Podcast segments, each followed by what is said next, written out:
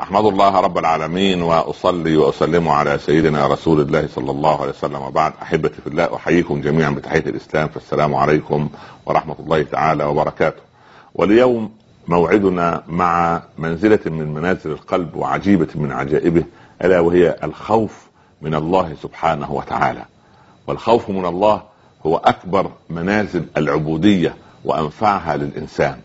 وهي منزلة عبارة عن فرض على كل إنسان فلا تخافوهم وخافون إن كنتم مؤمنين إن الشرطية يعني كنتم مؤمنين فخافوهم ولمن خاف مقام ربه جنتان ما هو الخوف؟ كيف يعني الإنسان يعني يعرف الخوف التي في داخله؟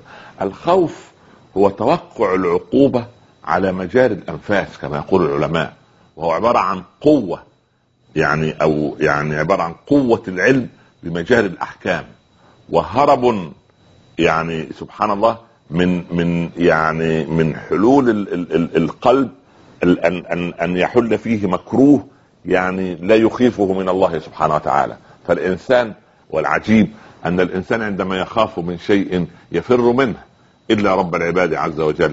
عندما تخاف منه تفر إليه. ففروا إلى الله. فروا إلى الله.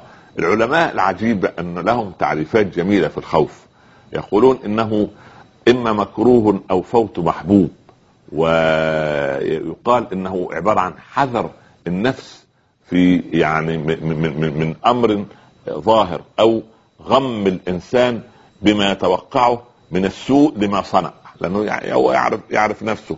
أو توقع مكروه في يعني شيء معلوم أو مضمون كما أن الرجاء عبارة عن توقع محبوب لشيء أنت تصنعه. ولذلك العلماء سبحان الله العظيم أن يعني لما تحدثوا عن الخوف قالوا إنه عبارة عن ارتعاد القلب رعدة في القلب لما لما بدر منه أو أن يترقب العقوبة أو يتجنب عيوبه أو انزعاج السريرة لما علم من أعمال الجريرة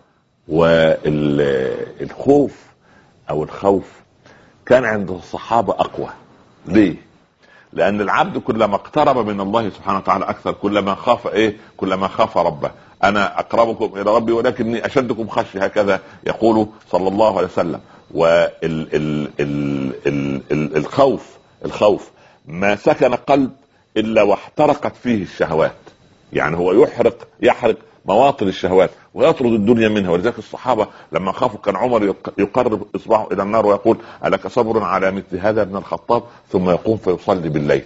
ولما سمع القارئة تقرأ إن عذاب ربك لواقع أغشي عليه أغشي عليه. إيه أنواع الخوف؟ أنواع الخوف في خوف محمود وخوف يعني خوف محمود صادق وخوف مذموم. الخوف المحمود اللي هو يحول بين العبد وبين محارم الله. إذا تجاوز هذا الخوف الحد يصل العبد إلى الإيه؟ اليأس والقنوط والإنسان لا يقنط لا بالعكس. والخوف ده عبارة عن صدق ورع القلب مع الله سبحانه وتعالى. ده كان ابن تيمية شيخ الإسلام يقول الخوف ما حجزك عن محارم الله. في خوف واجب الخوف الواجب هو إيه؟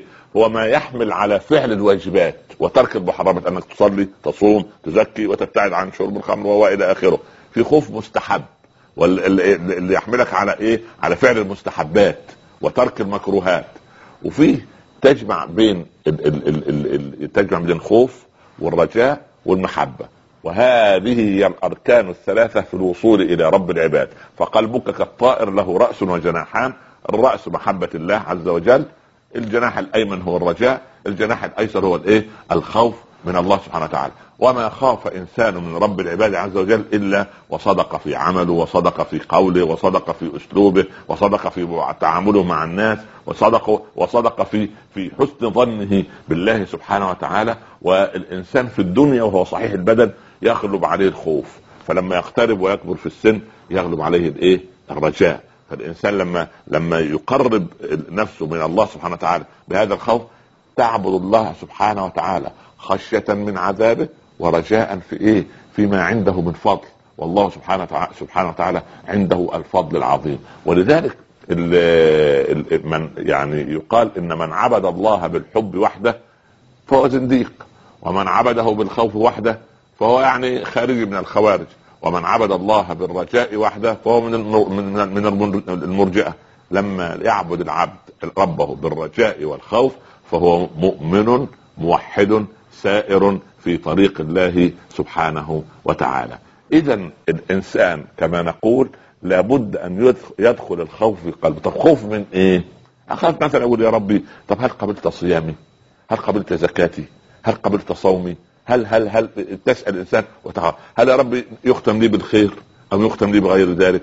طب يا ربي أسأل الله سبحانه وتعالى أن إيه ان أن يعني ان أن أخافك كل أنواع الخوف أن تخاف خوف الإنسان التائه البعيد عن الطريق مبتعد تقول يا ربي دلني على الطريق. أنا تائه أنا تائه يا رب. أنا عايز أخاف خوف المتعبد الذي يحب رب العباد عز وجل يخشى المعاصي التي صنعها ويحب الطاعات التي إيه عملها ويزداد من الايه من من من الخيرات ويزداد من الأعمال الصالحة. عندئذ يضع رجله على أول الايه أول الطريق. ولذلك أن الله سبحانه وتعالى لما أسكن الخوف قلوب عباده الصالحين صاروا على طريق الله.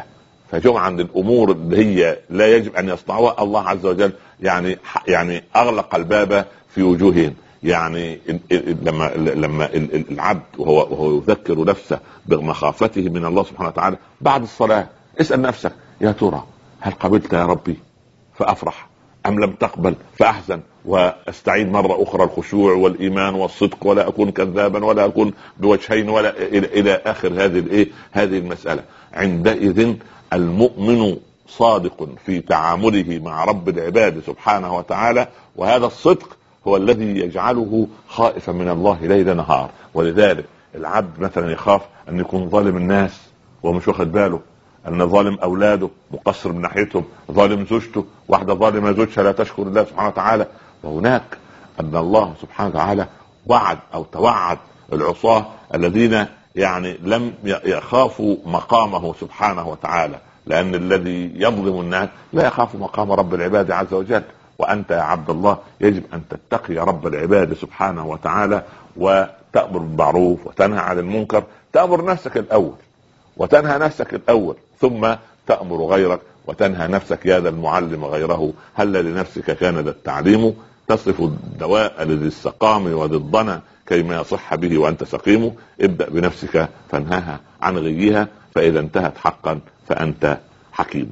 اذا مسألة الخوف إذا تبخر من قلب العبد والعياذ بالله رب العالمين تصير كارثة كبيرة. نسأل الله سبحانه وتعالى أن يسكن خوفه قلوبنا وأن يجعلنا من الراجين في رحمته الخائفين من عذابه. ندعو الله سبحانه وتعالى أن يتوفانا وإياكم على الإسلام وأن يكرمنا بفضله وكرمه. إن ربي على ما يشاء قدير. والسلام عليكم ورحمة الله تعالى وبركاته.